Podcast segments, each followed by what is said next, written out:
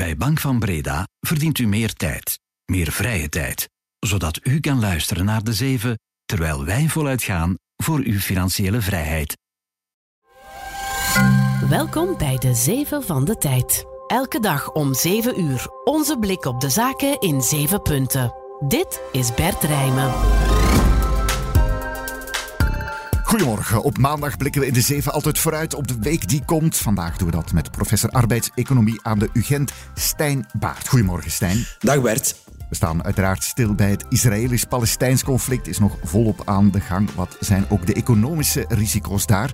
Met Chinese groeicijfers, Amerikaans conjunctuurrapport en Europese inflatiecijfers krijgen we deze week een flinke lading macro-economische data. Naar welke kijkt de professor uit? En naar welk Vlaams doctoraatsonderzoek is hij nieuwsgierig? Of is dat eerder naar de resultaten van Netflix of Lockheed Martin? Het is maandag 16 oktober.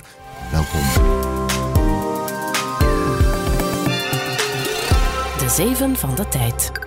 1. In Gaza is er een gigantische stroom mensen op gang gekomen die vanuit het noorden van de strook wegvluchten naar het zuiden.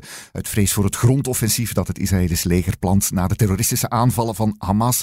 Vorig weekend, volgens het Israëlisch leger, gaat het om meer dan 600.000 Palestijnen die op weg zijn naar het zuiden. Waar die daar precies terecht kunnen is niet duidelijk. Afwachten wat dat de volgende dagen geeft. Intussen wordt er diplomatiek en politiek druk overlegd. Ook in Europa. Jeanne Michel, voorzitter van de Europese Raad, heeft de staatshoofden en regeringsleiders van de Unie bijeengeroepen voor een videoconferentie morgen.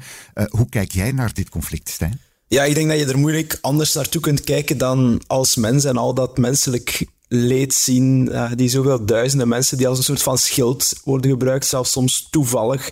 Uh, passanten zoals toeristen. Uh, wat mij ook wel opvalt en, en, een beetje tegen de borst stoot, is, is wel dat we in België nogal geneigd zijn om in een van twee kampen wat te verstarren. Sommigen uh, zijn opvallend mild altijd voor de enen of opvallend streng altijd voor, uh, voor de anderen, Israëli, Palestijnen. terwijl ik denk, ja, dat, dat leed dat verdient volledig onze, onze afkeuring en of dat, dat geweld beter verdient volledig onze afkeuring. En dat, uh, dat leed, dat verdient altijd ons medeleven waar het zich ook bevindt. Mhm. Hoe kijk je daarnaar als econoom? Uh, ja, wat, wat, kan de economische impact zijn van dit conflict? Ja, het is, het is, het is bijna evident. Hè. Dus uh, als dit verder escaleert, dan, dan kan de economie natuurlijk in het Midden-Oosten verder stilvallen. En dan weten we dat ja, zowat alle bedrijven ter wereld met elkaar uh, verbonden zijn. Het is echt een, een wereldeconomie. En wat in het ene land gebeurt, heeft dan ook uh, een impact of kan een impact hebben op andere landen. Bijvoorbeeld onze bedrijven in België. Die verkopen heel vaak hun producten aan, aan, aan bedrijven of mensen in het buitenland. En omgekeerd, om de dingen te maken die zij, die zij maken, hebben zij uh, grondstoffen nodig, no nodig van elders en zijn die minder beschikbaar ja, dan kunnen de prijzen daarvan stijgen. We hebben dat gezien met de oorlog in Oekraïne. Minder gas uh, toevoer, minder toevoer van graan bijvoorbeeld. En de prijzen gingen, uh, gingen gaan stijgen. -hmm. Hoe zit dat met dit eh, conflict, Stijn? Maakt Israël of worden daar dingen gemaakt die ja, in onze indexkorf of hier bij ons mm zeg maar, een impact hebben? Ja, ga, het is te zeggen, uh, het is niet zoals met, met, met Rusland dat het zo massief is naar, naar bijvoorbeeld mhm. gas uh, toevoer langs de andere kant. Uh, we importeren wel wat vanuit Israël en het algemeen. België is wat de meest open economie ter wereld, dus we hangen af van dat buitenland. Maar, maar vanuit Israël zijn het diamanten, kunnen veel mensen zich wel eens bij voorstellen. Maar ook bijvoorbeeld medisch gereedschap, uh, chemische producten. En natuurlijk, ja, chemische producten, dat zit in heel wat andere zaken. Dus dat zit ook wel in die, in die indexkorf. Uh, dus in effect kan, alleen verwacht ik dat dat minder groot zal zijn dan wat we hebben gezien afgelopen voorjaar. Langs de andere kant, ja, je hebt natuurlijk escaleren en escaleren als uh, dit conflict zich zou uh, verder zetten naar andere landen, ja, een regio met veel olieproducerende landen, dan, uh, dan zijn we natuurlijk tegelijk nog niet thuis. 2.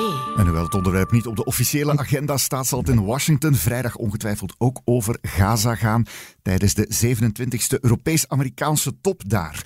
Uh, uh, Charles Michel, de voorzitter van de Europese Raad, en commissievoorzitter Ursula von der Leyen ontmoeten daar de Amerikaanse president Joe Biden. Vooraf is aangekondigd dat ze het onder meer zullen hebben over Oekraïne, ook een reeks, uh, reeks economische thema's, schone energie bijvoorbeeld, toeleveringsketens of artificiële intelligentie. Hoe kan het ook anders, zou ik zeggen. Maar er wordt vooral uitgekeken naar een deal over de handel in staal en aluminium. Die is nodig om te vermijden dat we terugkeren naar het tijdperk Trump. Die had immers uh, ja, heffingen opgelegd over de import van metalen uit Europa. Dat willen we vermijden, Stijn. Ja, ja, ja. Uh, ja trouwens, uh, als amateur van de politiek politicien vraag ik me dan uh, af, vliegen die twee samen of alleen? Hè? Dat is een beetje ja. spannend. Gegeven de... Dat is een spannende relatie. Ja, de kritiek van, van de dure uitstappen van Michel en het feit dat ze niet meer door één deur zouden kunnen. Maar hmm. ten gronde, ik, ik duim voor een deal. Ik kan het niet inschatten hoe, hoe realistisch dat het is, maar als economist, en we weten dat al sinds de grote economist Ricardo dat uh, ja, vrijhandel dat dat iets goed is. Hè. Zo kunnen landen zich uh, specialiseren waar ze het beste in zijn. En dan gaat de welvaart in die, in die beide landen of regio's erop vooruit. En importheffingen, waar we dan zouden tegen kunnen kijken, tegenaan kunnen kijken als die deal er niet komt, ja, die verstoren natuurlijk uh, vrijhandel. En trouwens, ook voor de Amerikaanse consumenten zou dat beter zijn, denk ik, dat die deal er wel komt. Want zij kunnen ook de dupe zijn. Ze betalen meer voor, voor eindproducten. Eh, door die importheffingen. En ze hebben dan ook minder keuze door eh, eventueel verstoorde handel. 3 krijgen deze week ook macro-economische data uit zowel China, de VS als Europa. Allemaal op woensdag. Dan publiceert China cijfers over de economische groei van het derde kwartaal. Daar wordt verwacht dat er een jaar-op-jaar groei zou zijn van 4,5 procent. Kwartaal eerder was dat nog 6,3 minder. Dus we krijgen woensdag ook meer zicht op de staat van de Amerikaanse economie. Dan publiceert de Amerikaanse centrale bank het zogeheten beige boek. Een conjunctuurrapport is dat, dat acht keer per jaar verschijnt. En in Europa krijgen we inflatiecijfers uit het VK bijvoorbeeld, maar ook uit de Europese Unie. Uh, die krijgen we dan van Europees Statistiekbureau Eurostat. Stijn, jij zit in de Belgische indexcommissie die mee ja, die inflatie zeg maar, opvolgt in ons land. Jij kijkt waarschijnlijk uit naar die Europese cijfers? Ja, toch wel. Hè. Dus uh, globaal hoop je dat die, dat die cijfers mooi dalen in, in heel Europa. Dat we een beetje zien wat we de afgelopen maanden in, in België hebben gezien. En tegelijk ook dat het, uh, het Belgische cijfer, want die vergelijking kunnen we dan telkens uh, maken met dank aan Eurostat, dat, dat België het ook weer vrij goed doet in vergelijking met de buurlanden. Vrij goed doen betekent dat uh, vrij lage inflatie optekenen in vergelijking met, met die buurlanden. En ik vermoed ook dat dat zo zal zijn. de afgelopen maanden was het al zo dat ja, dat België best uh, lage cijfers liet optekenen, mhm. relatief gezien. Uh, en de afgelopen maand waren de inflatiecijfers in België vrij goed. Dus het, het zou erg verbazen mochten we daar nu plots het minder goed doen. En dan is voor een stuk toch uh, de conclusie dat die loonprijsspiraal, waar velen voor hadden gevreesd door onze automatische uh, indexering van onze lonen, dat die er uh, ja, niet zal gekomen zijn in deze crisis zijn we er dan met ja, die hele discussie over ja, ook die uh, indexering of dat automatisch mechanisme en ja, het uh, hele gevolg waar men het altijd over heeft, dat we dan onze internationale concurrentiepositie voor, voor wat betreft die arbeidskosten, ja, dat die er slecht aan toe zou zijn? Wel, ik vind dat je, dat je er een heel belangrijk woord uitneemt, die concurrentiepositie. Ik vind dat daar ja. eigenlijk veel te weinig over gesproken wordt, omdat dat toch een beetje een sluipmoordenaar is van onze economie als die, ja, als die En daar hebben we gezien eind vorig jaar dat de Nationale Bank een studie gepubliceerd heeft die aantoonde dat de stijgende loonkosten in ons land, ja, dat die in 2022 heel fel hadden ingehakt op die concurrentiepositie, ja, met op, op langere termijn impact uh, op uh, ja, ondernemerschap, uh, jobcreatie in ons land. Mhm. Dus of we er zijn, ja, het lijkt allemaal te verbeteren. De loonhandicap, jullie hebben dat met de tijd ook recent over bericht. Mhm. die, die loonhandicap is terug wat kleiner geworden. de vraag is, vertaalt zich dat nu ook in een concurrentiepositie die zich verbeterd heeft, zullen we vermoedelijk zien op het einde van het jaar met dank aan de Nationale Bank. En, en daar kijk ik toch nog altijd ja, uh, met een beetje schrik naar, naar uit. Mm Die loonkosten uh, en de job- en de arbeidsmarkt. Uh, Stijn, daar ben je professor in. De premier, waarin de Cruyff met zijn federaal begrotingsakkoord vorige week samen met zijn beleidsverklaring een aantal maatregelen voorgesteld. Flexijobs, minimumlonen. Allemaal maatregelen die zich afspelen op die arbeidsmarkt. Zijn het zaken die een impact hebben ook op die concurrentiepositie? Goh, ik, ik, denk, ik denk relatief weinig. Hè. Dus de, de flexijobs springen daar een, een beetje uit. valt zeker iets voor te zeggen. mocht je tien jaar geleden gevraagd hebben aan experten in binnenland en buitenland, wat is een probleem van de Belgische arbeidsmarkt, zouden ze gezegd hebben te weinig flexibiliteit en dat is niet goed voor de bedrijven. maar die flexijobs, ja, die zitten toch vooral in, in sectoren die, die minder onderhevig zijn aan die internationale concurrentie die meer in de dienstensector typisch uh, zitten. En ja, globaal zijn de voorwaarden in, in deze deal ook wat minder interessant geworden in die, in die flexijobs. Uh, en dan blijft voor mij toch vooral over een... Um, een typisch Belgische begroting, een beetje draaien aan de, aan de bestaande knopjes. En we spreken dan over de begroting, maar eigenlijk was dit de State of the Union, de beleidsverklaringen en eigenlijk de laatste kans om er nog eens een goede draai aan te geven aan dat beleid. En dan zie ik toch te weinig. Hè. Dit, deze regering had zich aangekondigd als een hervormingsregering, centrale ambitie, 80% werkzaamheidsgraad. Maar die is nooit echt onderbouwd uh, geraakt. En je ziet dat ook voor een stuk in de cijfers. De afgelopen kwartalen uh, vergroten de achterstand op het EU-gemiddelde. We zaten al niet goed met die werkzaamheidsgraad. En het is er ook zeker niet op verbeterd. Nikt nie oszuka, tego już nikt nam nie zabierze. Wygraliśmy demokrację,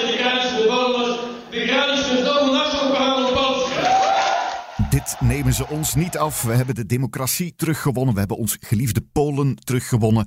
Voormalig Europees president Donald Tusk is dit gisteravond bij zijn toespraak na de verkiezingen in Polen. Volgens de exit polls haalde zijn partij Burgercoalitie ruim 31% van de stemmen.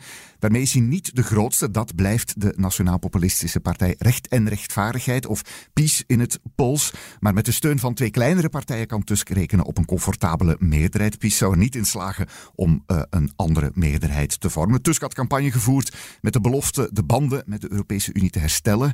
Die zaten na acht jaar conservatief bestuur, laten we zeggen, onder het vriespunt om een hele hoop redenen. Dat zou dus nu moeten verbeteren. Hoe kijk jij daarnaar, Stijn?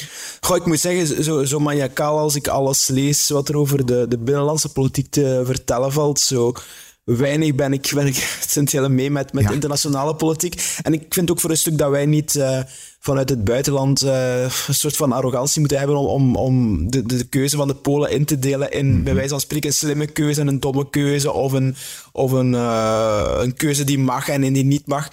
maar dat gezegd zijn, ja, is, is dit natuurlijk, of lijkt dit natuurlijk goed nieuws uh, voor, uh, voor Europa te zijn. Of zo kijken analisten er toch naartoe dat dit ja, inderdaad een partij is die, die pro-Europees is en, en dat de, de tegenstand toch wel een, een slechtere reputatie had, meer een keuze ging maken of zou gemaakt hebben voor een Europa à la carte.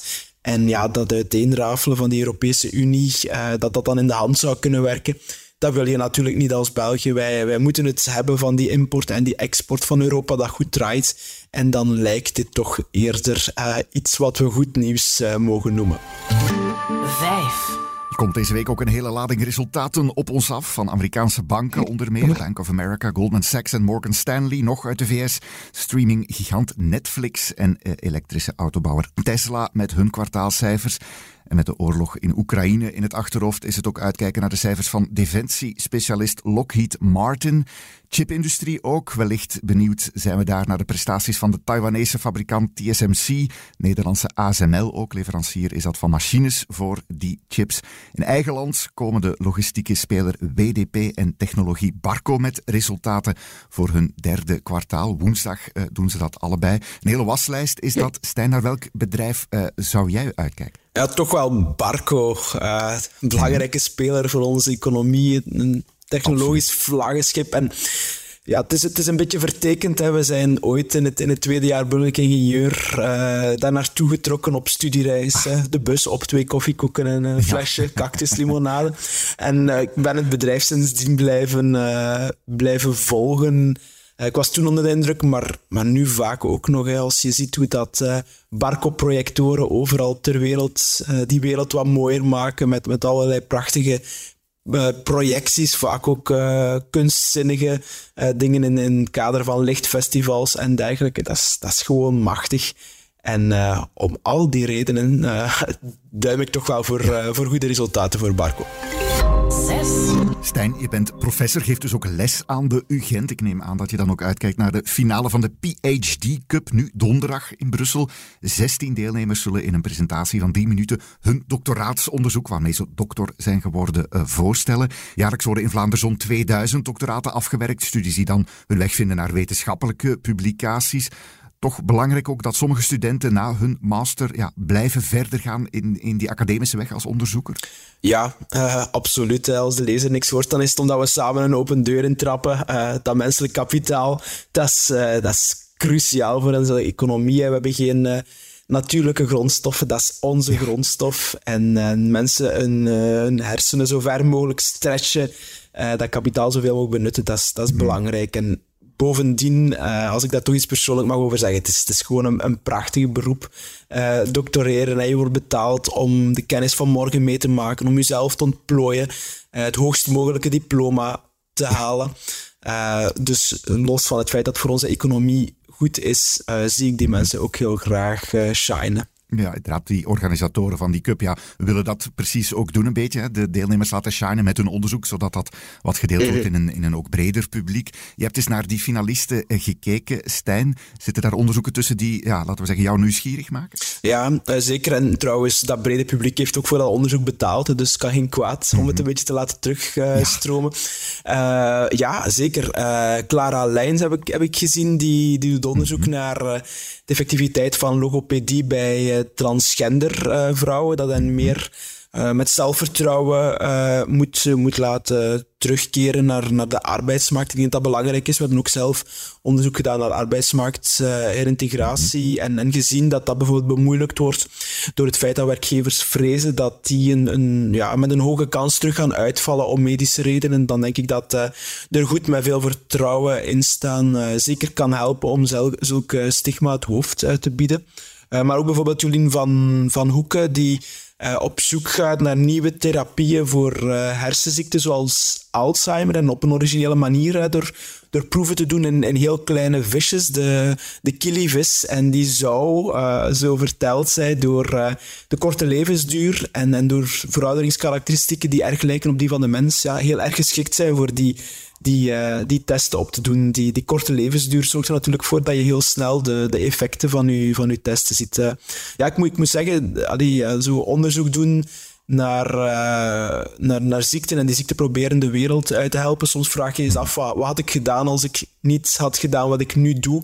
Ja. En dan is zo hetzelfde doen, wetenschappelijk onderzoek, maar dan om, om ziektes te bestrijden toch ook iets wat ik heel waardevol zou gevonden hebben.